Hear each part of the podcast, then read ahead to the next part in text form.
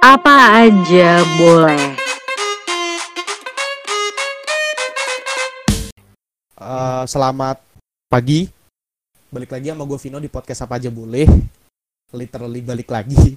Uh, jadi pertama-tama gue mau minta maaf dulu karena udah satu bulan lebih nggak ada sesuatu yang baru untuk di ini ya untuk dipublikasi. Uh, episode terakhir kita bahas feminis tentang kesetaraan gender dan gimana kalau misalnya diaplikasiin di Indonesia gitu. Tapi setelah episode itu rilis nggak lama, ya pandemi ini, corona ini, COVID-19 ini mulai masuk ke Indonesia gitu. Terus juga uh, gue punya prinsip, gue punya kepercayaan kalau misal uh, setidaknya cara biar masyarakat itu nggak parno, masyarakat itu nggak panik, termasuk diri kita sendiri ya masyarakatnya, itu dengan mengurangi informasi seperti itu gitu. Jadi kayak gue mencoba untuk tidak terlalu banyak membaca berita tentang COVID kecuali yang penting-penting.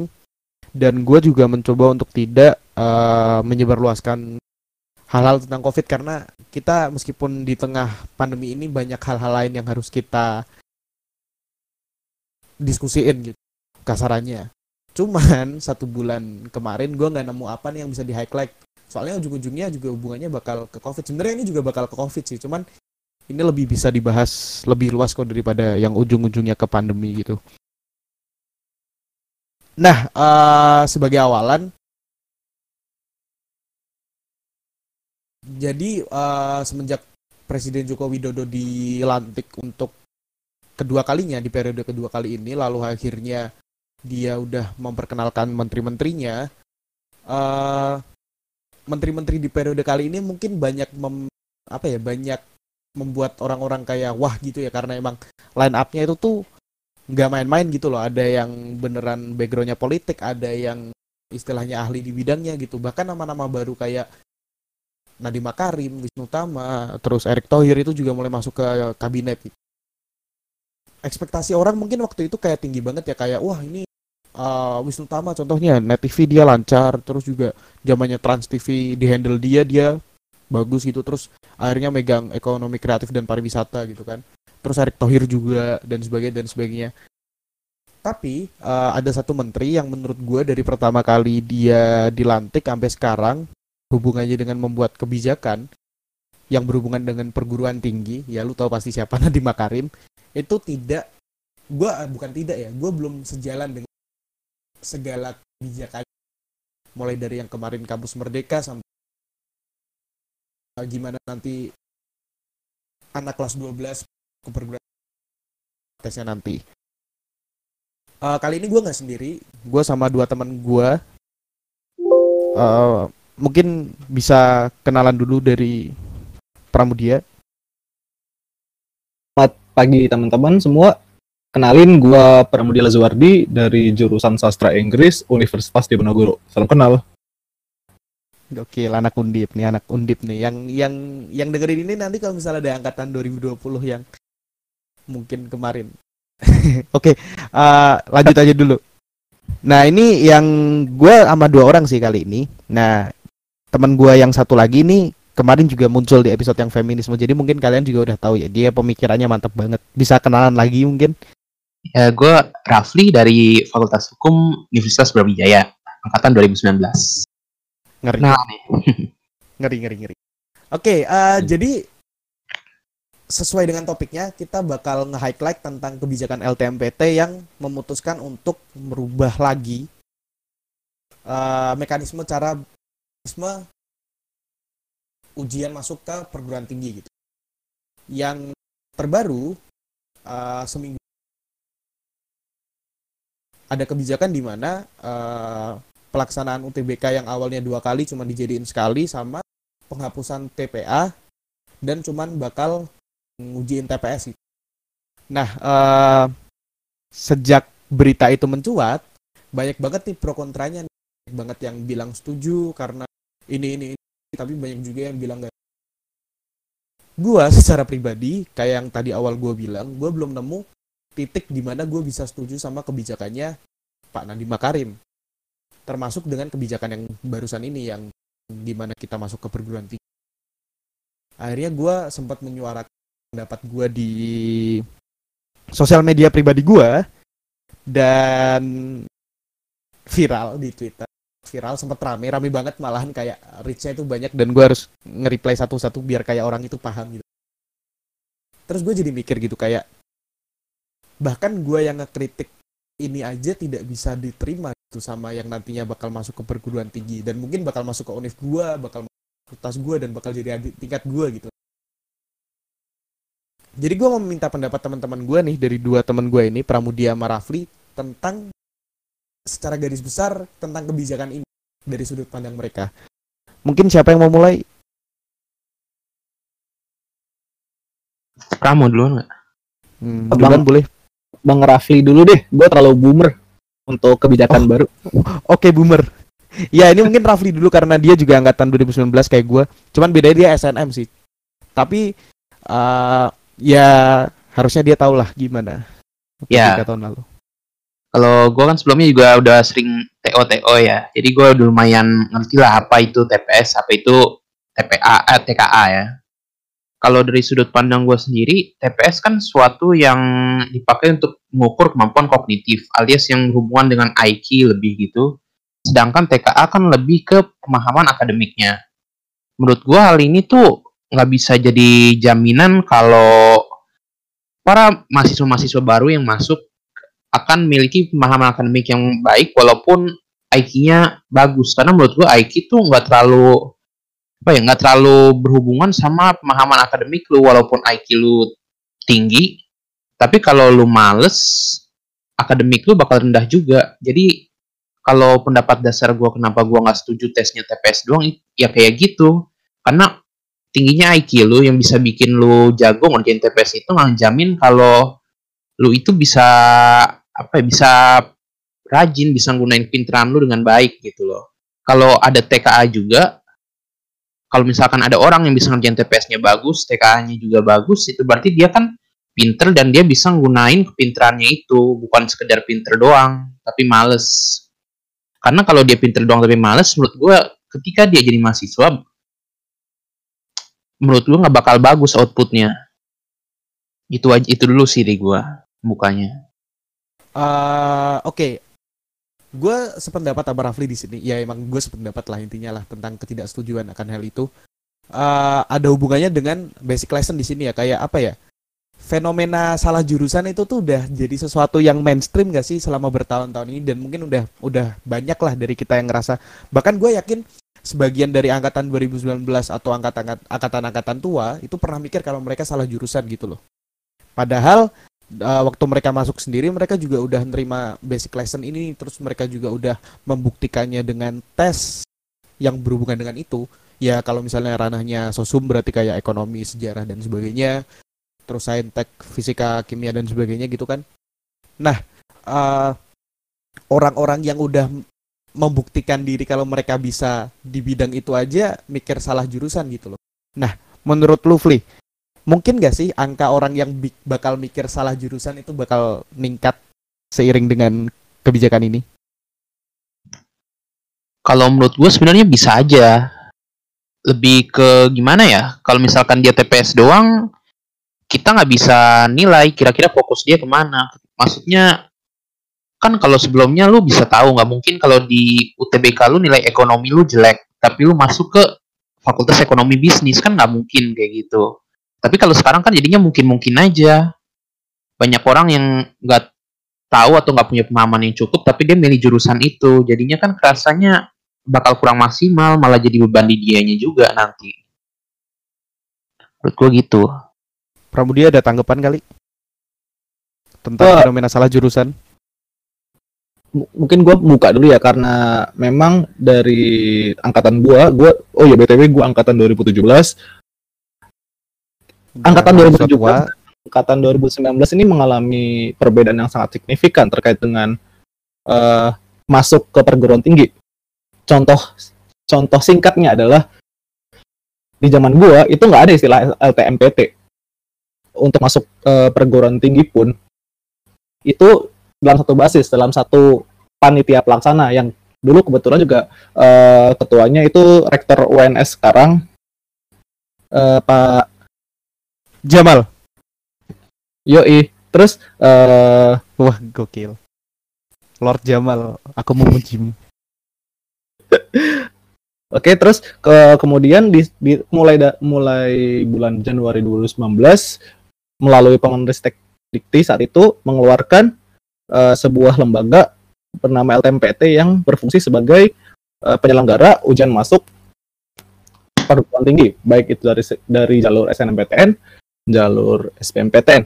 Nah, eh, dengan munculnya LTMPT ini, gue soroti ini bahwa sejak ada LTMPT ini beberapa kebijakan tuh benar-benar menggebrak gitu mulai dari pertama dari tahun 2019 tentu saja eh, ada sistem baru di mana kita tes dulu baru milih mau masuk universitas ataupun jurusan mana yang kedua kita diperbolehkan untuk tes dua kali untuk eh, bisa dibilang ya kita diberikan kesempatan untuk memperbaiki atau lebih meningkatkan hasil dari skor UTBK yang bersangkutan ba- bagi calon mahasiswa baru itu namun sayangnya di tahun 2020 ini yang sangat gue sayangkan adalah kebijakan yang sangat bagus itu diruntuhkan. Ya mungkin mungkin eh, di sini saya coba eh so netral mungkin ya karena mungkin podcast ini pada kontra tapi biar lebih enak aja gue coba pro sedikit dan kontra sedikit agar kita tahu masing-masing baik dan buruknya mana. Yang pertama, UTBK dilaksanakan hanya sekali. Ya, kita tahu bahwa kita udah nggak punya waktu lagi. Ini udah sudah bulan April dan eh, dari pusat pun juga belum ada pemberitahuan terkait dengan SBMPTN itu nanti seperti apa. Hanya tahu bahwa oh UTBK itu sekali dan kemudian yang kedua kita kembali ke kebijakan sebelum tahun 2019, tahun 2018, 17 dan mungkin mungkin sebelumnya. Yaitu kita pilih jurusan dulu, kemudian tes, kemudian ya udah kalau lolos alhamdulillah, kalau enggak ya udah nangis di tengah-tengah pandemi ini. Udah sedih makin terpuruk. Nah, akhirnya yang gue soroti kembali di sini adalah apa yang terjadi apabila eh, pandemi ini selesai, para calon-calon mahasiswa baru sudah melaksanakan SBMPTN maupun ujian mandiri dan kemudian sudah masuk ke perguruan tinggi. Yang pertama, mungkin sebenarnya salah jurusan bisa gue setujui, tapi bisa jadi juga gue nggak setujui. Kenapa? Mungkin secara struktural ya salah jurusan karena memang nggak nggak keterima di pilihan yang dia mau itu aja ya sebenarnya juga itu kesalahan dari calon mahasiswanya sendiri. Kenapa? Ya karena ya karena lu milih itu, coba enggak, pasti nggak akan merasakan salah jurusan. Tapi salah jurusan sendiri juga mengenai kebijakan kampus merdeka ini, kita diperbolehkan untuk mengambil mata kuliah yang bisa dibilang tidak sesuai dengan bidang kita. Kemudian kita juga diperbolehkan untuk magang sebagai pengganti SKS ataupun bahkan pengabdian sebagai pengganti SKS. Bisa dibilang kampus sekarang mulai perlahan untuk menghilangkan eh, suatu batasan-batasan yang dibuat dari masing-masing antar jurusan at- ataupun antar fakultas. Tapi gue di sini bukan ngomongin anak IPS yang mau masuk kedokteran atau anak IPA yang mau ya seperti itulah kurang lebihnya. Tapi di sini gue soroti adalah di sini kita nggak akan bisa punya kualitas ataupun kompetensi yang lebih spesifik. Kenapa? Karena gue melihat bahwa eh, kebijakan kampus merdeka ini justru malah menjadi tiang pancang untuk mempertegas bahwa perguruan tinggi di Indonesia berfungsi sebagai pabrik yang mencetak mahasiswa dalam tanda kutip buruh pendidikan yang nanti setelah selesai dari pendidikan itu akan kembali menjadi buruh. Kenapa? Ya bla bla bla industrial 4.0, bla bla bla industrial 5.0 dan segala macam. Yang intinya adalah di sini gue melihat Indonesia pendidikan Indonesia mencoba untuk mencetak agar ma- mahasiswa-mahasiswanya itu bisa kerja, bisa dapat duit dan segala macam. Tapi kita di sini tidak melihat bahwa eh, unsur atau esensi dari mahasiswa masuk perguruan tinggi itu sendiri adalah apa? Ya untuk menuntut ilmu sesuai dengan eh, program studi atau ilmu spesifik yang ingin dia pelajari. Sebagai contoh, gua ingin, eh, gua butuh eh, pelajaran-pelajaran ilmu-ilmu yang berhubungan dengan kasusastraan di Inggris ataupun kasusastraan secara umum.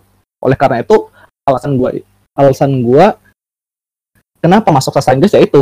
Tapi di sini ya orang asal milih misalnya lah gue mau masuk psikolog siapa tahu gue ntar kaya ujung-ujungnya jadi apa jadi apa jadi apa nah di situ yang sebenarnya justru malah berbahaya bagi eh, Indonesia karena di sini kita nggak butuh orang yang bisa semuanya tapi di sini gue lebih suka kalau misalnya ada orang yang ahli dalam satu spesifik tapi bisa maksimal dalam eh eksekusinya seperti itu.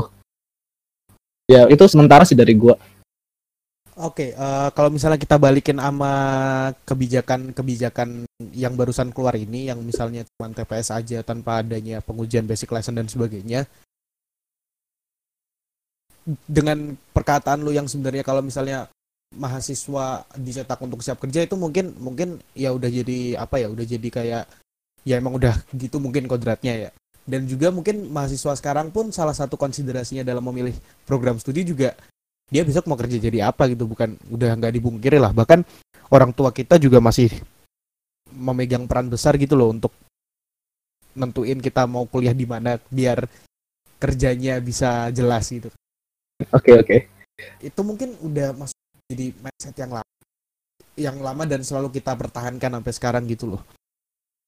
Tapi gue mau nyorotin tentang mental deh tentang mental dari mahasiswa ini yang pertama mau gue tanyain ke masing-masing Rafli atau Pramudia meskipun di tengah wabah ini di tengah pandemi ini misalnya UTBK tetap berjalan seperti biasa TPA tetap ada TPS tetap ada itu mungkin gak sih dari Rafli dulu mungkin Kalau menurut gua sebenarnya wajar-wajar aja kalau ada. Kalau kita pikirin kan sebenarnya jadwal aslinya tuh Senin depan mulainya kan. Itu berarti secara normal kalau kebijakannya diumumin baru berapa sih Mi- minggu kemarin ya? Minggu kemarin bukan? iya 10 hari Ya, yang lalu lah Berarti kalau kira-kira dua minggu, normalnya harusnya udah ada soal yang disiapin dong. Kalau rencananya hari Senin depan sebelumnya. Ya, Bagi kalau kan misalkan ada soal yang udah disiapin, harusnya bukan dipotong satu bagian, tapi mungkin bisa dipotong jumlah soalnya gitu loh. Seenggaknya kan kalau kayak gitu masih bisa lebih efektif dibanding cuma nilai satu sisi doang. Kalau seandainya udah ada ya soalnya. dari Pramudia gimana malah mempertanyakan. Eh, sebe- ini kan sebenarnya kita belum dapat informasi resmi nih dalam artian kok tiba-tiba eh, TPA menghilang hanya hanya tercantum di, di TPS saja atau apakah ada pergantian eh, nama lagi nih kayak kayak tahun gue yang harusnya TPA jadi malah eh jadi TKD jadi TPA kemudian apakah nanti ini T- TPS sendiri itu sudah mencantumkan soal-soal yang sudah spesifik Ah, home science I dan juga udah jadi semacam satu paket gitu loh. Jadi eh, kadang kadang gue asumsi gue gini kan eh, rencananya walaupun belum diterapkan secara resmi itu eh, pelaksanaan UTBK akan dibagi per sesi nih. Ada Iya. persif lah dalam satu hari shift satu shift dua shift tiga shift empat kebijakan ini juga mengacu pada eh, yang pertama eh, protokol kesehatan yang terbitkan dari WHO yang kemudian diteruskan kepada Kementerian Kesehatan kedua eh, untuk mencegah beratnya server yang dimiliki oleh Indonesia kita tahu bahwa server Hmm, iya. buat ngecek pengumuman SNM aja itu udah beratnya Iya nauzubillah. iya ah, iya Nah, benar benar benar. Masalah sih itu. Eh, da- dari sini gue mengasumsikan bahwa alasan kenapa TPA dihapuskan dan hanya TPS adalah pertama mungkin bisa jadi di, di satu paket kan karena bahkan satu satu tes sendiri pun itu bisa setengah hari sendiri kan. TPA TPS Iya, iya. ya kan? Lama mungkin Iya, bisa aja. benar-benar. Lama sih itu 4 jam ya? Eh, nah enggak justru Emang ya kurang lebih seperti itulah. Segitulah. terus yang kedua eh bentar gue lupa. Eh gue lupa Pikir dulu, pikir dulu nyantai nyantai. Bisa diedit kok. Yang kedua, gue mikir bahwa TPS ini eh, sudah mencantumkan kedua soal dan tujuannya untuk mempersempit. Jadi sebenarnya soal TPA dan TPS ini sudah ada, namun jumlahnya itu dipangkas, kemudian dua paket ini menjadi satu gitu loh, satu nama yaitu TPS. Sehingga ya udah lu dengan satu SIP itu lu sudah bisa mengerjakan dua jenis soal itu yang sudah bisa mengukur dari segi kognitif dan juga dari segi ini sebenarnya cocok nggak sih untuk eh, sesuai bidang studi ataupun kemampuan yang udah lu pelajari selama SMA ataupun Tapi Pram, persiapan Pram, PM nanti. harusnya kalau misalnya beneran dua shift itu jadi satu, harusnya pengumumannya bukan menghapuskan TPA lalu cuman ngetesin TPS dong. Berarti kan harusnya pengumuman yang harusnya disampaikan adalah perubahan dari apa itu TPSA definisi lah. Perubahan definisi dari TPS atau TPA gitu. Tapi kemarin setahu gua dari surat edarannya itu sendiri tidak sam- sama sekali tidak menyinggung tentang perubahan definisi ini gitu. Lebih ke kayak oh ya udah TPS saja meskipun uh, ada artikel susulan tentang mekanisme perubahan TPS ini yang katanya soalnya tingkatannya lebih rendah. Eh ting tingkat sorry sorry tingkatannya lebih tinggi terus juga uh, lebih susah juga ininya. Tapi nggak ada menyinggung tentang ini tentang basic lesson ini yang dijadiin satu sama TPS sampai Nah, sekarang setidaknya. karena menurut gue ya karena belum ada informasi resmi aja sih Vin karena menurut Hmm. surat, surat edaran nomor 11 garing SE LTMPT tahun 2020 ya itu hanya sekedar perubahan jadwal belaka bukan sistem nah ini kan hanya sekedar asumsi saja nih berdasarkan juga mengacu pada apa yang dikatakan bahwa eh, sesuai protokol kesehatan sesuai dengan kondisi corona saat ini sesuai dengan kondisi internet dari calon-calon mahasiswa baru dan segala macam ya ini merupakan salah satu solusi efektif apabila ternyata memang TPS itu mengandung soal-soal yang bukan bukan TPA dan TPS digabung tapi soal-soal yang memang secara bersama bisa menguji kemampuan kognitif mulai dari IQ dan segala macam dan juga menguji eh, kompetensi dasar baik itu sosum ataupun saintek sesuai dengan program studi yang akan dipilih itu sih menurut gua Tapi kata adminnya kalau nggak salah sama aja sama yang kayak tahun lalu gitu jenis soalnya. Makanya itu yang bikin gue jadi bingung. Oh Bener iya ya? iya iya gue juga gue juga pernah pernah baca itu tuh. Cuman ditingkatin dikit aja maksudnya. Setidaknya apa ya? Ya biar kerasa lah tes masuk PTN-nya gitu. Tapi kalau bentuknya sama itu yang bikin gue bingung. Iya. Ketika Nah, nggak ada balik lagi nih. Balik lagi ke mentalnya, mental si mas calon mahasiswa baru ini. Uh, gue udah sering bilang kayak gini ya, uh, kemudahan itu tuh kayak bikin kita tambah optimis gitu loh. Kayak oh ini gampang, berarti kita akan melihat sesuatu yang gampang itu tuh sebagai sesuatu yang chance-nya kita untuk dapat itu tuh lebih besar gitu. Cuman optimisme yang disalahgunakan bakal berujung kayak orang-orang yang sorry, songong, orang-orang yang uh, over proud, orang-orang yang ngerasa bisa semua, superior dan sebagainya gitu loh. Nah, apakah dengan kemudahan yang diberikan lagi-lagi oleh pemerintah ke angkatan bawah ini bakal ngaruh ke mahasiswa calon mahasiswa baru ini nantinya? Siapa dulu mungkin? Ya. Lebih ke mental, lebih ke mentalnya sih, lebih ke kayak berubah nggak sih ini nanti? Gua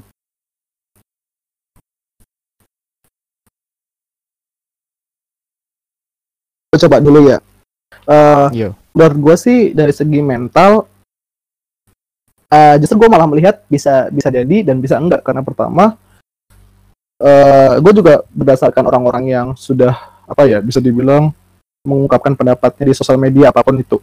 Mereka sempat stres karena dengan hanya TPS saja kalau misalnya memang TPS itu ya sekedar TPS pada umumnya itu mereka akan eh, justru malah mempersempit kesempatan mereka untuk masuk perguruan tinggi. Kenapa? Karena orang-orang sekarang langsung fokus semua, Ceres, fokus semua ke TPS. Orang-orang yang sudah sudah nyicil belajar TPA ketimbang TPS akan se- perlahan tersingkirkan dan orang-orang yang sudah belajar TPS ini akan menjadi superior atau bahkan orang-orang yang sombong ini justru malah oh gue udah belajar TPS gak usah belajar TPA gak usah belajar lagi akhirnya orang-orang TPA bakal naik untuk mencoba mengungguli orang-orang yang sudah fokus di bidang TPS. Nah, tapi juga di sisi lain ini justru malah kalau memang kembali lagi ke TPS yang pada umumnya justru malah bahaya bagi bagi program studi masing-masing. Karena apa? Pertama, eh, program studi bekerja sama dengan baik himpunan ataupun badan, eksekutif mahasiswa setingkat fakultas dan setingkat, setingkat universitas, mereka memiliki program kaderisasi kampus, baik itu kaderisasi bersifat kepemimpinan atau keorganisasian dan Pada ini ini dulu mu- mungkin mungkin sebelum kita terlalu jauh ya. Ini mungkin kalau misal adik-adik kita ada nggak ngerti kata kaderisasi nih, mungkin itu istilah asing ya. Mungkin bisa dijelaskan dulu kaderisasi itu apa? sorry jadi sebenarnya kaderisasi itu lebih ke bagaimana kita menanamkan eh, syarat-syarat atau nilai-nilai yang berlaku sesuai dengan lingkungan yang ada di tempat spesifik itu ya bisa dibilang ya penurunan Iya. nilai generasi sih nah jadi Untuk untuk secara simpelnya mungkin gue namain definisi ya kader, kader, kader sendiri itu orang. Maksudnya kader itu tuh manusia gitu. orang kan. secara ga- secara garis besarnya kaderisasi ya ya ini garis besar apa definisi simpelnya aja sih. Ya kita membentuk manusia gitu kita membentuk orang gitu. Hubungannya dengan kaderisasi di kampus berarti adalah bagaimana kita membentuk mahasiswa ini menjadi ya mahasiswa mahasiswa yang mengerti apa itu tridharma perguruan tinggi mahasiswa yang ngerti apa tujuannya apa objektifnya gitu. Juga Bisa dilanjutin eh sorry dan juga lebih spesifiknya kaderisasi jurusan ataupun kaderisasi yang dari himpunan mahasiswa ini kan mereka punya kaderisasi bahwa mahasiswa sastra Inggris sebagai contoh harus berlaku sebagaimana nilai-nilai dari kesusastraan kesusastraan Inggris itu seperti apa dan nilai-nilai dari program studi yang ada di universitas itu. Nah, kalau misalnya mereka aja tuh nggak nyangka kalau bisa masuk sasing sastra Inggris, sorry, tapi mereka karena berdasarkan keberuntungan saat menjawab TPS itu atau mungkin karena hanya sekedar IQ tapi ternyata nggak bisa bahasa Inggris itu bagaimana? Ya walaupun TPS ada soal bahasa Inggris sih itu sebagai contoh aja dan itu bisa berbahaya. Bayangin aja eh, eh, sebuah program studi yang tidak memiliki mahasiswa berjiwa program studinya maka program studi itu tidak akan bisa berkembang karena dengan maj- kemajuan sebuah program studi itu didukung oleh tiga elemen mahasiswa, masyarakat dan birokratnya of course. Itu menurut gue. dari dari Rafli mungkin gimana tentang mental calon adik-adik gemes kita ini nanti Astagfirullahaladzim. Kalau menurut gua ya, ketika ada TK, TKA, berarti udah pasti orang-orang yang ikut TKA kan soalnya tuh lebih ke apa ya hal-hal yang harus mereka baca sebelumnya, hal-hal yang harus mereka pahami sebelumnya. Itu berarti mereka orang-orang yang benar udah bekerja keras buat belajar demi mengejar SBMPTN itu. Ya bukan berarti kalau lo ikut TPS gak belajar ya, tapi kalau IQ kan setiap orang tuh udah punya keunggulan sendiri yang mereka bangun selama bertahun-tahun hidup mereka, selama rata-rata mereka kan udah 17 tahun hidup itu bukan cuma dari berapa tahun belakangan. Karena itu menurut gua kalau misalkan nggak ada TKA, itu berarti yang diukur kan sekedar pinternya ya, pinter pinter mereka secara mendasar dan menurut gue itu nggak adil karena nggak semua orang yang pinter itu punya mental yang tepat untuk mengakomodasi kepintaran mereka. Bisa bisa banyak loh orang yang cuma pinter tapi males buat kerja keras, males buat ikut ini, ikut itu. Bahkan banyak orang-orang yang pinter tapi cenderung apatis. Dan menurut gua kalau misalkan TKA dihapus, bisa aja orang-orang yang pinter tapi cenderung apatis itu bisa mengganggu keseimbangan atau stabilitas di kampus loh. Karena gue sendiri udah ngeliat misalkan banyak teman-teman gue yang sekedar pinter sama teman-teman gue yang maksudnya kalau dibanding pinterannya sama yang lain kurang lah tapi mereka tuh kerja keras buat belajar TKA dan akhirnya mereka bisa masuk PTN mereka itu mereka tuh orang-orang yang bisa bekerja keras gitu loh gue lebih milih orang-orang yang bisa bekerja keras dibanding orang-orang yang pinter tapi mentalnya lemah Iya. makanya itu dia. Jada wajada. Sama, sama mungkin, waduh, siapa cepat dia dapat. Nggak gitu. Nah, ini eh, apa ya? Eh, sebagai tambahan sih mungkin salah satu faktor kenapa akreditasi kampus itu bisa bagus itu sebenarnya kualitas mahasiswanya juga gitu loh. Dengan eh, salah satu argumen dasar kenapa gua nggak setuju sama ini ya sebenarnya karena itu sebenarnya orang itu tetap butuh basic lesson dan tetap butuh pengujiannya gitu loh. Kalau misalnya kita tidak mendapatkan itu, kita tidak diujikan tentang hal itu, terus ternyata nanti mencetak mahasiswa yang sorry ya, nggak tahu apakah ini benar itu kan cuman istilahnya gambaran gue ya dengan lingkungan mahasiswa baru yang cuman ngerti TPS ini, akreditasi kampus juga otomatis akan ini akan nurun juga nantinya, meskipun banyak faktor lain loh ya. Cuman dari segi kualitas mahasiswanya, dari akademiknya ini sendiri ya akan menurun gitu dan susah untuk kembaliin itu lagi gitu. Akreditasi nggak berlaku setiap saat gitu. Jadi kayak apa ya? Banyaklah faktor yang bikin gua nggak setuju ini kebijakan-kebijakan Nadiem Makarim sejauh ini. Karena yang pertama, menurut gua Nadiem Makarim ini eh, terlalu apa ya? Amerika sentris mungkin gua gua ngasih istilah Eh, dia orang yang sangat sangat mantap. Dia orang yang maksudnya visioner, dia orang yang bisa berpikir dari segala arah, dia juga wibawanya kuat gitu. Cuman sorry to say, pendidikan itu bukan ranahnya dia menurut gua gitu. Karena kebijakan-kebijakan yang udah dia eh, lakuin sejauh ini blunder gitu menurut gue. Nah, kenapa gue bisa bilang Nadiem Makarim adalah seorang Amerika sentris ya karena kebijakan-kebijakan ini kurang lebih udah pernah diaplikasikan di Amerika gitu. Sementara untuk pengaplikasian kebijakan ini sendiri, faktornya itu banyak, mulai dari mungkin kondisi geografis, gimana manusia-manusia yang ada di dalamnya gitu loh. Kebijakan seperti ini tuh memang belum siap untuk mental kita orang Indonesia kalau misalnya kita ngomongin mental gitu. Karena orang-orang kita menurut gua itu tuh lebih harus dikerasin daripada orang-orang negara lain gitu. Karena kita dapat apa kemudahan sedikit aja kita udah kayak ngerasa yang paling mantap gitu loh. Kayak contohnya kuliah online ini lah. Kuliah online kita jadi bisa ngerasa kita bisa bangun siang. Gue sendiri bangun siang ya. Maksudnya kayak hal-hal basic kayak gitu gitu kita kayak nganggap kemudahan itu tuh bisa bisa nggak nggak ngimpact banyak untuk kita ke depannya gitu. Dan itu menurut gue sangat salah gitu nah eh, berkaitan dengan Nadiem Makarim kalian gimana sih kinerjanya sebagai seorang menteri pendidikan sejauh ini dari Rafli dulu mungkin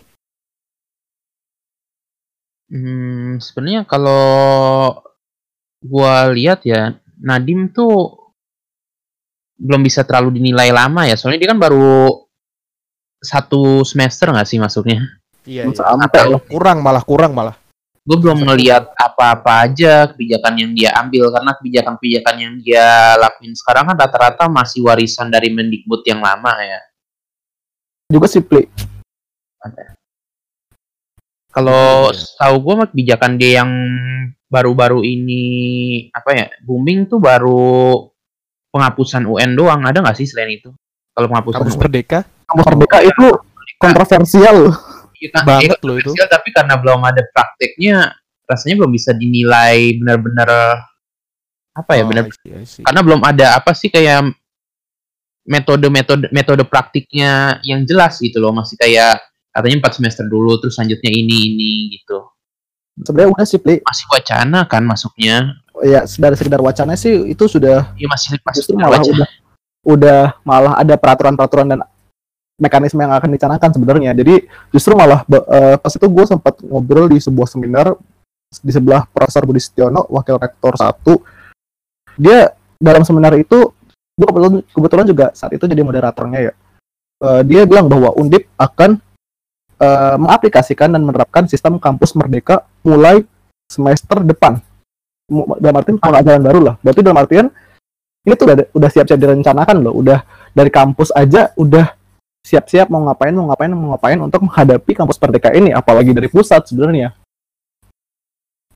Sebenarnya yang bikin gue bingung tuh hal-hal kayak apa ya yang belum benar-benar dirilis secara resmi gitu loh. Itu kan wacananya emang udah ada tapi belum benar-benar secara resmi dirilis atau dipublikasikan oleh masing-masing kampus gitu. Kayak apakah gue sebagai mahasiswa hukum bisa kampus merdeka ini bisa milih SKS dari mana aja atau apa aja yang bisa gue lakuin gitu loh. Selain kan wacananya tuh baru bisa ngambil mata kuliah dari prodi lain, tapi belum Mana pun diberi kejelasan kecuali- lebih lanjut. kalau Nggak salah gini bisa semua kecuali kedokteran Iya, iya iya, kedokteran kecuali doang. kedokteran, tapi itu pun masih belum dipersempit. masih belum di kan. iya belum belum dipersempit ada lagi, kayak ya. resmi-resminya press release resminya gitu tentang Tapi- gua malah itu ada udah ada kampus eh, eh, udah sorry udah ada payung hukumnya loh. Payung hukumnya ada. iya ada permen iya kayak itu dia. nomor 4 sama nomor 5 dan ini udah udah siap gitu loh. Gue malah setuju gini ya misalnya kita bisa milih dari prodi lain. Misal gue gue anak administrasi negara gitu kan. Ada mata kuliah yang hukum administrasi negara ya. Rafli juga orang hukum pasti ngerti lah Han. Ya itu Nah, gua ngambil. Ah, Han lo ngambil kan? Maksudnya Ya, um, mungkin kalau misalnya nantinya kita kita kita hubungannya sama administrasi negara kan kita kita gimana mengimplementasikan kebijakan kita gimana gini gini gini gini gini gini kan kita bisa ah, harusnya sih dispesifikkan kalau misalnya dari prodi lain ya kayak dikasih rekomendasi gitu loh. Misalnya eh, lanjutan dari hukum administrasi negara nanti ada lagi apa yang bisa kita ambil untuk membantu kita sebagai seorang yang udah milih di jalur tersebut ya gitu. menurut gua harus gua. tetap Nah, berkaitan atau ada Harus- dasarnya. harus berkaitan kan atau mungkin gua tiba-tiba Hmm. milih teknik sipil atau apa.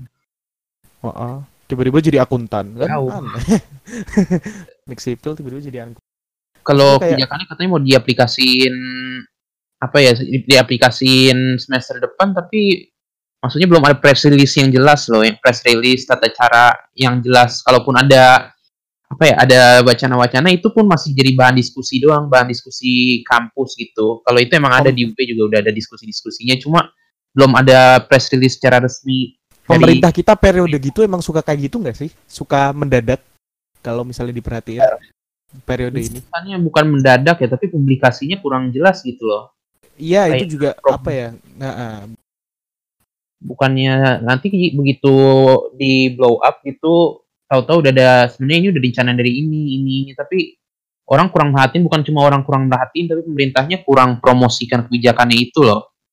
Ini masyarakat seolah-olah loh kok tiba-tiba ada padahal dari dulu emang ada tapi pemerintahnya cuma sekedar ngerilis ada-adanya doang gitu. Keterbukaan informasi ada tapi seakan-akan rakyatnya harus nyari sendiri kalau menurut lu Pram gimana eh, kinerja Nadiem Makarim sejauh ini? Sebagai seorang menteri pendidikan? gue dari sel- selama belum satu semester ini ya gue melihat eh, mungkin dia itu lebih ke industrialis lah. Seperti yang gue bilang tadi lebih fokus untuk mencetak. Yes, itu dia. untuk ya kita aja seba- kita aja sebagai mahasiswa udah bisa, bisa dikatakan buruh loh. Apalagi saat kita selesai nanti kita ya bisa dibilang dia itu ingin mencip- menciptakan buruh yang lebih berkualifikasi. Bukan seorang intelektual yang harusnya dimiliki oleh mahasiswa itu. Nah eh, tapi sejauh ini gue sebenarnya jujur malah tertarik nih karena pertama mungkin eh, bisa dibilang ya kampus merdeka ini masih sangat simpang siur karena kita belum tahu nih kita belum kita bisa ngambil eh, SKS mata kuliah lain semester satu walaupun satu semester ini peraturannya seperti apa tapi di sini gue menyoroti bahwa merdeka dalam artian ini itu bisa juga menjadi merdeka dalam segi pengetahuan loh. Karena apa? Karena gue gue bisa kepo nih. Kayak misalnya gue ngambil mata kuliah yang ada di eh, fakultas hukum atau fakultas ilmu sosial dan ilmu politik misalnya. Atau bahkan yang lebih spesifik deh. Gue sebagai mahasiswa sastra Inggris mempelajari tentang linguistik. Mulai dari sosiolinguistik, psikolinguistik segala macam. Gue bisa aja nih meng- menggali lebih dalam tentang psikologi linguistik, terutama psikologi itu di fakultas psikologi. Dan itu merupakan salah satu yang bisa membantu gitu loh. Tapi pada pada praktiknya ya itu tadi yang yang justru malah kontroversi juga SKS 40 SKS itu bisa diganti magang, bisa diganti pengabdian dan bisa diganti ke ya mungkin bentuk-bentuk yang Iya, lain. sini Bentuk-bentuk yang lain. jadi kita itu juga itu juga gue nggak setuju. mereka eh Pak Nadim ini mencoba untuk membuat suasana di mana mahasiswa itu cepat lulus. Lima semester loh Pak, lima semester. Iya, loh, lima semester kan Gua- apanya? gua Ya kan aneh kan maksudnya kayak. jujur gua gua aja sebagai mahasiswa sastra Inggris yang belajar sampai semester 6 ini pun gua merasa kayak "An- sorry eh Gak merasa gak apa-apa. Misu aja, misu aja gak apa-apa. merasa kayak semester 6 ini gue belum mendapatkan ilmu yang harusnya memang gue bisa gali lebih dalam gitu loh. Gue aja merasa kayak, ih semakin men- bertemu mata kuliah baru, wah gila ini eh gue harus lebih dalam menyelam nih. Gue harus lebih spesifik lagi no, su- supaya gue bisa lulus di mata kuliah ini atau mungkin gue bisa survive di semester ini. Nah dengan adanya ini kayak justru malah mahasiswa itu bakal kayak pecah konsentrasi. Kenapa? Pertama dia harus memikirkan eh, strategi dia untuk cepat lulus karena memang orientasinya gue lihat seperti itu. Kedua, mahasiswa ini bakal apa ya? Justru malah lebih tergila-gila untuk mengajar pengganti SKS ini daripada pengetahuan yang harusnya dicari untuk skripsi. Dah, itu dia, itu dia, itu dia. Kayak istilahnya gini deh. Oh, lanjut dulu, lanjut dulu aja, lanjut dulu. Yang ketiga, eh gue melihat bahwa kebijakan seperti ini tuh apa ya? Karena karena porosnya adalah biar cepat lulus, cepat kerja.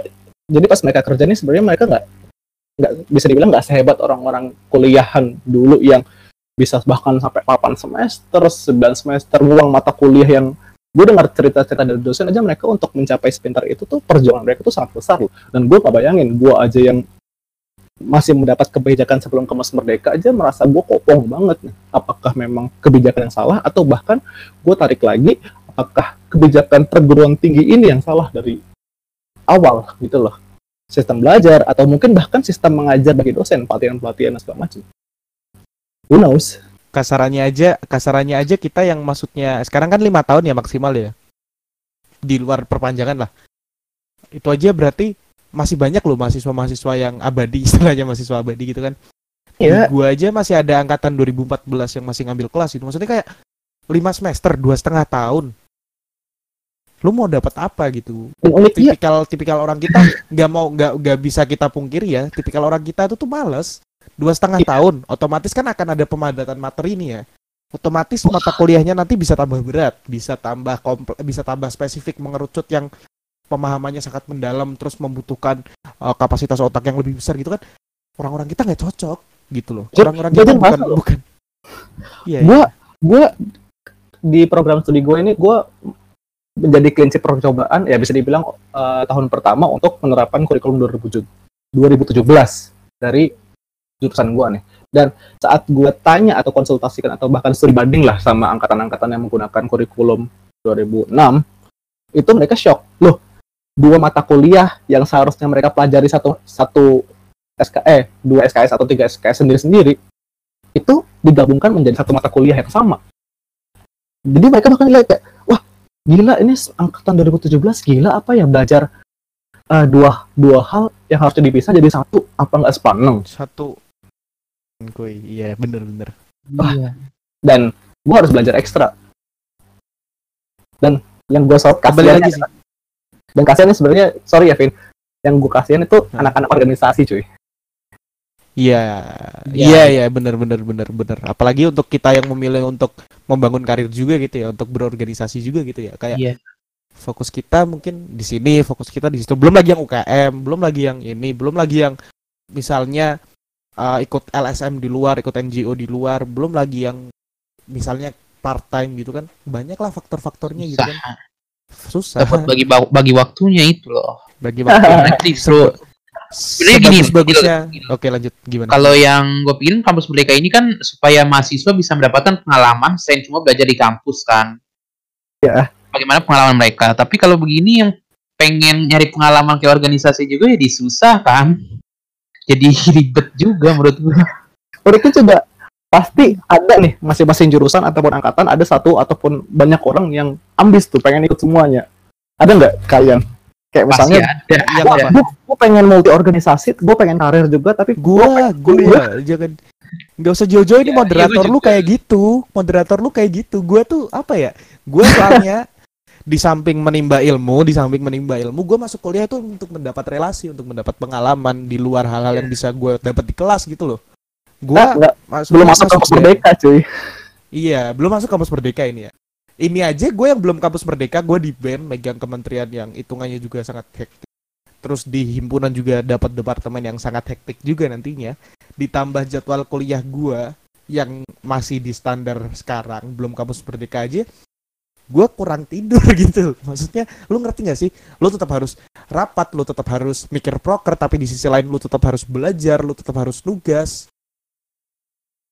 Ini mungkin yang gak dilihat oleh Nadim gitu. Soalnya dia mungkin karena kuliah di Amerika jadi kayak ah, organisasi kali ya organisasi. Eh nggak tahu ding. Gue juga nggak tahu background keorganisasian di kampus. Kasihannya Nadim tapi Iya. harusnya untuk menjadi dia yang sekarang organisasi harusnya bagus lah harusnya Harusnya pasti. Nah, oke, kembali lagi sebelum ya ini udah mulai di sesi akhir. Kembali lagi nih, gue mau meng- mengajak lu role playing ya.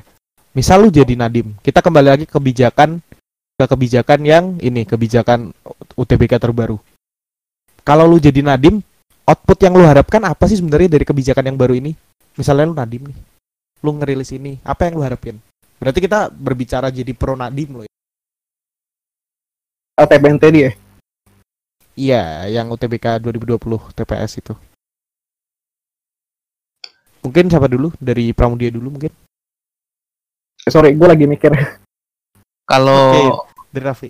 dari gua yang gue pikirin karena TPS ini kan tentang kognitif ya, tentang intellectual quality dari seorang. Kalau menurut gua Nadim tuh pengen bisa dapetin mahasiswa-mahasiswa yang punya kemampuan mendasar, bukan cuma mahasiswa-mahasiswa yang punya kemampuan spesifik di prodi ini, prodi ini, dan prodi ini. Kalau menurut gue sebenarnya masuk akal ketika kita bilang dia mau mencanangkan kampus merdeka, maka dia pengen milih mahasiswa yang basic intelektualnya kuat, bisa nguasain ini, ini, dan ini sekaligus dengan luas dibandingkan mahasiswa yang benar-benar ngincer di satu prodi satu bidang khusus. Dia pengen mahasiswa bisa nguasain bidang yang lebih umum. Padahal kalau mahasiswa kan justru harusnya menguasainya hanya satu bidang yang khusus. Itu yang sebenarnya gue bingungin tapi gue bisa nangkep apa yang dia mau. Karena kalau dihubungkan dengan kampus merdeka di mana seorang mahasiswa diperbolehkan buat ngambil SKS dari prodi yang lain maka sebenarnya masuk akal kalau yang dipilih adalah mahasiswa yang benar-benar lebih basic intelektualnya kuat gitu. Pengetahuannya lu, luas bukan cuma sekedar ya sekedar bagus tapi satu bidang itu sih kalau menurut gue yang diharapin mungkin Dari Pramudia mungkin? kebijakan kampus merdeka ini sebenarnya juga bagus nih bagi bagi sektor industrial ataupun ekonomi Indonesia. Ya bisa bilang kesejahteraan masyarakat lah. Kenapa? Karena dengan mencetak mahasiswa-mahasiswa yang walaupun bisa dibilang bakal jadi buruh yang lebih profesional, tapi keprofesionalan ini bisa membawa ke apa ya? Peningkatan mutu ketenaga kerjaan Indonesia. Dalam artian dengan tenaga kerja yang memiliki tidak hanya memiliki kemampuan dasar yang bagus, tapi mereka juga bisa memilih apa yang mau mereka spesifikasikan di kampus merdeka ini ya Indonesia tuh bakal mencapai masa emasnya itu di tahun 2025 terutama dari segi SDM dengan SDM-nya bagus otomatis dari sektor uh, industri juga bakal bagus industri bagus akhirnya ekonomi bagus ekonomi Indonesia bagus maka kesejahteraan masyarakat juga ikut, ikut, bagus kecuali kalau ada pihak yang bakal jahat lah. Tapi gue anggap positif dulu lah. Kemudian gue tapi uh, kalau misalnya gue Nadim dan gue merilis kebijakan ini gue harus menciptakan juga kebijakan di mana yang bisa mencegah hal-hal yang tidak diinginkan itu terjadi. Semisal satu uh, orang yang tergila-gila atau terobsesi untuk mengambil atau melakukan semuanya perlu ada edukasi kuat nih mulai dari dari Nadim sendiri dari Kementerian Pendidikan Nasional turun ke universitas universitas kuatkan pakemkan turun ke badan eksekutif mahasiswa tingkat universitas turun ke tingkat fakultas, turun ke tingkat himpunan mahasiswa, dan ciptakan sebuah kaderisasi yang menciptakan di mana mereka tetap mereka itu bisa uh, men, uh, menjadi kader kampus merdeka sekaligus juga kader yang uh, merdeka juga di prodinya. Dalam artian mereka unggul sesuai dengan bidang studi mereka masing-masing gitu loh. Kemudian setelah itu juga gue bakal membatasi uh, segala pergerakan yang bisa apa ya memporoskan Indonesia itu ke jurang yang menjauh dari menjunjung tinggi intelektualitas mahasiswa itu. Jadi kayak bisa lebih seimbang lah dan output. Kalau misalnya gue melihat dari sesi pandang positif output kampus merdeka ini ya benar-benar bisa memperdekakan pendidikan Indonesia sehingga mereka bisa menjadi apa yang mereka mau. Cuman ya harus ada pengarah di situ tuh.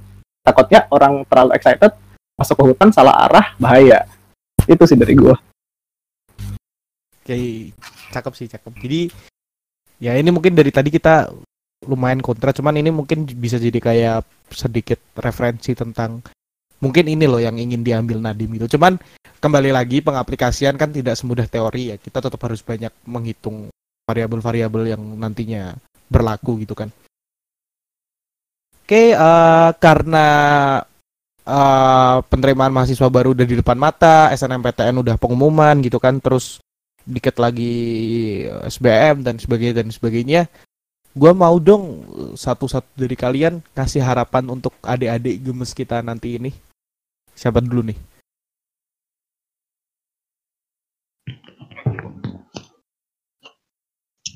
Hmm, harapan ya. Kalau dari gue sendiri harapannya adalah bahwa kalian-kalian yang angkatan 2020 tuh bisa sadar kalau di kuliah itu nggak sekedar nyari apa yang nggak sekedar nyari nilai doang kuliah tuh lebih luas daripada sekedar nilai. Karena buat kalian setelah kuliah pasti kan yang mau dicari tuh kerjaan atau magang ataupun hal-hal lain yang butuh relasi. Kalau menurut gue yang di kuliah tuh selain belajar yang harus benar-benar kalian tekuni itu masuk ke organisasi, masuk ikut lomba atau apa pun yang bisa melatih soft skill kalian dan perluas networking kalian sehingga nggak sekedar cuma pinter doang tapi kalian juga ngerti secara praktikal walaupun kita kuliah S1 kan bukan D3 ataupun D4 tapi kita juga harus ngerti gimana pengaplikasian hal-hal yang kita pelajari di kuliah ini untuk di dunia kerja nanti. Itu sih harapan dari gua. Oke, lanjut kedua- dari Terus nggak cukup. Pramudia. Pasal Lanjut. 31 ayat 1 UUD 1945 setiap warga berhak eh sorry setiap warga negara berhak mendapatkan pendidikan. Nah kalau misalnya kalian calon-calon mahasiswa baru ini telah mendapatkan hak itu, manfaatkanlah dengan baik. Tuntutlah ilmu sesuai dengan apa yang kalian ingin tuntut. Kejarlah sesuai dengan apa yang ingin kalian kejar. Dan capailah bila apa apa yang kalian percaya itu bisa membawa peradaban yang baik bagi masyarakat, bangsa, negara, dan tentunya bagi diri kalian sendiri. Manfaatkan segala kebijakan dengan sebijak mungkin. Kurang-kurangilah menjadi manus- manusia-manusia yang rakus dan ekosentris. Cobalah kita berpikiran merdeka dan saling memerdekakan satu sama lain. Sehingga dengan merdekanya pendidikan, insya Allah Indonesia akan mencapai ke merdeka yang sesungguhnya. Itu dari gua. Cakep. Mantap. Oke. Eh, terakhir harapan dari gue sekaligus closing ya. Ini mungkin teman-teman gue bicara tentang moral dan sebagainya. Mungkin gue akan berbicara yang agak sedikit selengean. Harapan gue untuk adik-adik gemes gue nanti, jangan jadi orang yang pantat tipis. Jangan jadi orang yang berpikir kalau kalian superior. Manfaatkan kemudahan yang udah dikasih itu menjadi sarana biar kalian itu menjadi ke arah yang lebih baik gitu. Dengan kemudahan ini tuh harusnya kalian bisa mikir eh, gimana sih gue bisa compete sama mereka yang lebih struggle daripada gue bukan malah kayak ngerasa karena dengan semua kemudahan ini lu bisa ngelakuin setidaknya lo ya no nggak segampang itu dunia kuliah itu jauh lebih keras daripada itu dunia kuliah ini sendiri dengan berbagai dinamikanya sifat-sifat dosen yang berbeda gimana susahnya dapat nilai ah itu harus lu mulai tanemin dari sekarang. Lu harus mulai jadi orang yang mulai sedikit lebih prihatin dari biasanya lo karena strugglingnya bukan main-main gitu loh. Walaupun nanti lu bakal dapat satu dua dosen enak murah hati baik nilai cuman secara garis besar bakal kayak gitu. Jangan sia-siain kesempatan ini jangan mikir lu udah masuk ke sini dengan gampang terus lu akhirnya tuntutan lu juga cuman belajar kayak yang tadi Rafli bilang lu tetap harus perbanyak networking lu tetap harus perbanyak relasi. Kita udah ada di katanya revolusi industri 4.0 kita juga ada nanti ada society 5.0 insya Allah nyusul Jepang gitu kan. Jadi kayak kita harus benar-benar nyiapin kita kita harus nyiapin kompetensi kita baik itu yang kita pelajari di kampus atau hubungannya sama soft skill gitu. Belum lagi bonus demografi nanti kan yang kita yang udah dicanangkan sejak lama eh, kalau di bonus demografi ini nanti jumlah yang siap kerja akan banyak itu buktiin kalau kita siap kerjanya bukan cuma siap aja tapi siap yang sesungguhnya Ya, lu lu udah maksud gue lah intinya yang mau gue coba ungkapin di sini gitu lah. Ya intinya itu aja sih. Jangan jangan jadi orang yang gampang trigger jangan jadi orang yang dikit-dikit anti kritik jangan jadi orang yang sedikit uh, disinggung privilege-nya langsung ngegas gitu kan kayak oh lu nggak bakal tahan lama kalau kayak gitu Stabilkan Oke, penggunaan uh, sosial media juga, cuy. Iya, sosial media. Oke, sosial media Jangan mungkin lupa jadi lirik buku. untuk Sumpah, Nah, kom- ngomongin soal kompetensi itu jangan jauh-jauh dari buku lah. Iya. ya, jangan iya itu rajin. Lu bakal apalagi di ranah gue ya, ranah gue juga pasti ranahnya Pramudia juga apalagi dia sastra kan. Ranahnya Rafli juga dia hukum. Banyakin baca jurnal, banyakin baca buku. Kayak lu nggak bakal jadi kutu buku kok kalau kayak gitu. Lu malah kelihatan berwawasan gitu. Dan nggak cuman kelihatan, lu emang bakal berwawasan gitu karena so far media ini yang harus di anu, bukan dongeng-dongeng sosial media yang itu tapi intinya itu jadi pribadi yang lebih baik jadi pribadi yang gak gampang tersinggung manfaatkan privilege ini kalau lu nggak terima dengan kata privilege ya itu, emang privilege menurut gua ya digunakan sebaik-baiknya aja sih. Oke nggak kerasa kita udah satu jam kurang lebih satu jam udah ngomong Eh, makasih untuk Rafli sama Pramudia. Rafli udah dua kali di sini dan as usual dia selalu menyampaikan sesuatu yang mantap. Pramudia juga nggak kalah mantap dia ngebawain banyak teori. Eh, jangan lupa tunjukin support kalian untuk podcast apa aja boleh dengan cara follow kita di Spotify dan juga follow kita di Instagram di @aab.podcast lalu juga Instagramnya Rafli di Rafli Arafat Z. dan Instagramnya Pramudia di Kemudian underscore Ardi. Oke, em, sekian dari gua intinya siap-siapin diri aja untuk kuliah. Gua Vino cabut. Wow. Gokil. Gokil, gokil. Ih. Gila. Untung gue ngecas anjir kalau nggak ngecas. Ya, mau pembahasan kita sempat melipir sih cuman bagus bagus melipir cuman ya bagus kok. Maksudnya masih ada masih ada koneksi lah di situ lah. karena emang faktornya banyak cu Masih ada titik temunya. iya sih masih ada titik Tadi gue tuh mau mau ngebahas satu tapi gue lupa sampai sekarang gue lupa anjir. Apa ya? kualitas kualitas kader organisasi Oh, iya. Itu sih yang gue takutnya nih ya orang-orang orang-orang kan maksudnya privilege orang-orang yang ngerasa dapat privilege itu kan mungkin ngerasa ini itu jadi selingan dan sebagainya. Maksudnya kayak yang di bawah-bawah kita itu sering banget dapat ini loh dapat privilege gitu loh. Yang gue takutin adalah ya gue ngeliat sih dari kalian juga. Kan? Maksudnya nanti jadi orang yang songong gitu. Jadi kayak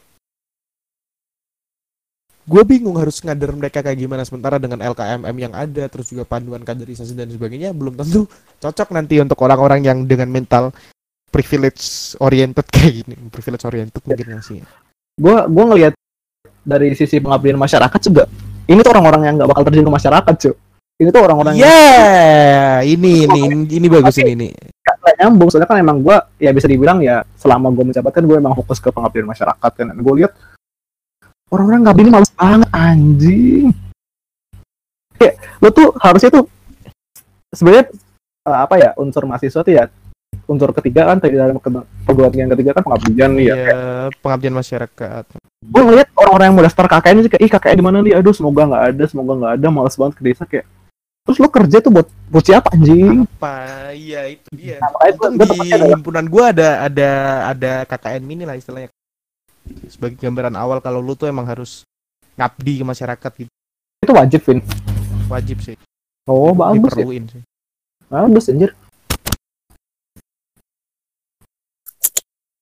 eh betul gue penasaran cuy IPK kalian berapa sih sekarang Gua kayak Wah. ya kan gue ngeliat dari kalian yang dapat privilege itu kalau gua privilege privilege apaan gue ya gue nggak dapet privilege apa apa anjir privilege Iya, apaan cuy, maksudnya? ya kan ya anggapnya angkatan lu kan bisa tes dua kali tahu nilai Oh, iya. Oh iya, oke Iya. oke oke. I see I see. Tahu IPK nggak tahu sih gua gua kalau peningkatan jelas peningkatan. Soalnya katanya di semester lalu tuh rata-ratanya tuh 3,3 terus di semester gua 3,7 kalau nggak salah rata-rata semuanya. oh semuanya. Kalau total gua belum tahu. Nggak dirilis resmi sih. Kalau 3,7 apa 3,5? Tapi kalian ada di nggak eh, dirilis, dirilis, yang se dirilis. sefakultas seprodi gitu enggak sih agak Gua dirilis sih, Oh, cuman lu dulu cuy. Ini gua guanya. Iya. oh, kalau gua lalu semester satu. empat cuma dua nggak tahu belum dirilis. Yang UTS juga belum. Eh, Lu dua- empat anjing. iya empat. Lu empat? Gila gokil. eh, gua gua semester satu gua semester satu tiga koma sembilan lima biasanya semester satu masih apa ya? Masih ini sih ya sih. cuy belum ada organisasi men. Ini, ini kalau sekarang baru udah bukan organisasi sih tapi kepanitiaan udah banyak banget anjir. Gue semester 1 udah jadi delegasi udah jadi iya gua gua malah sibuknya padahal gua sibuk juga masuknya sih. Gua kayak ikut MUN ikut diklat ini diklat itu kan. Konting sih malahan. Nah, bukan dosen, dosen juga harusnya semester satu biasanya lebih itu sih lebih ringan gitu ya. Iya sih ini semester satu masuk dikasih ma- matkul yang ulang aja. Li, lo di organisasi lu lu fokus di bidang apa dah Kalau yang gua berfokus tuh organisasinya sekarang FPCI, Foreign Policy Community Indonesia. wah gokil Chapter gua masih kecil sih, soalnya baru setahun setengah. Tapi jadi kalau di gua kan HRD tuh masih nyoba-nyoba bikin kayak formatnya gimana, gini gitunya. Bahkan surat-suratnya juga masih sebenarnya masih awal banget, tapi gua fokus. Terus sih jatuhnya. Terus soalnya mas. Baru gue, gue justru lebih suka organisasi-organisasi yang baru dan cenderung anggotanya lebih dikit gitu sih yang pengurusnya lebih dikit jumlahnya. Soalnya apa ya lu jadi bisa lebih kreatif. Kalau misalkan yang lama lu harus ikut tradisinya adatnya gitu. Bukan berarti jelek cuma gimana ya kadang orang kan ada yang kolot juga Iya benar. cutting kayak lu kok ini nggak ada sih maksudnya apa Kalau lu geraknya di mana, Pram? gue pengabdian masyarakat tapi di HM gue bidang akademik Oh, riset pendidikan. riset kayak gitu Ya, Jadi- litbang, litbang, litbang. iya tapi gue juga sempat di Mikat juga jadi dulu gue pas pas maba pas kayak kalian gitu itu Mikat sama Rizka lah riset gitu jadi satu. Jadi namanya tuh talent and research development. Jadi gue bisa dibilang Wah, tahun itu bisa tiga bidang malahan. Termasuk kaderisasi juga jadi empat lah. Karena gue nyusun kaderisasi pengabdian sih kemarin. Kenapa kaderis- kaderisasinya nggak di PSDM? Kalau gua kan maksudnya gua di BEM PSDM emang ngurusin kaderisasi gitu kan. Ah. Uh, soalnya kalau di tahun gua di tahun kalau tahun kemarin periode kemarin PSDM-nya itu jadi dua punya dua direktorat yang aktif prestatif sama minat bakat gitu. Tapi sekarang kan dipisah. Oh. Jadi PSDM-nya tuh bener-bener ngurusin kaderisasi gitu loh. Kalau di kan gua pengembangan organisasi sih kayak ya oh iya kayak UGM kayak UGM soalnya PSDM tuh fokus bikin bikin masalah eh bikin masalah lagi FBB UGM tuh fokus ke ini kayak lo tuh misalnya mau pintar riset ya lo masuk pengembangan organisasi di divisi riset gitu Iya, iya. Hmm, Kalau gue PO-nya lebih kayak ini sih. Lebih ya nangkap jadi kaderisasi juga sih kalau untuk di himpunan. Gue kan himpunan PO-nya. Soalnya yang PO apa ngelakuin kayak PO pengembangan organisasi. oh PSDM ya Beda. oh PPM PPM PSDM itu sumber daya mahasiswa. PO-nya ya organisasi organisasinya. berarti kayak pengembangan potensi mahasiswa gitu ya Iya kalau PSDM kan bener-bener mahasiswanya semuanya tuh. Kalau PO kan internalnya, lebih ke internalnya, lebih ke iya, organisasi. Gua kemarin. Gini So ini kan mulai mulai mulai tahun lalu saat gue jadi kabit sama tahun ini tuh lebih gencar itu di undip itu sesuai dengan instruksi rektor juga.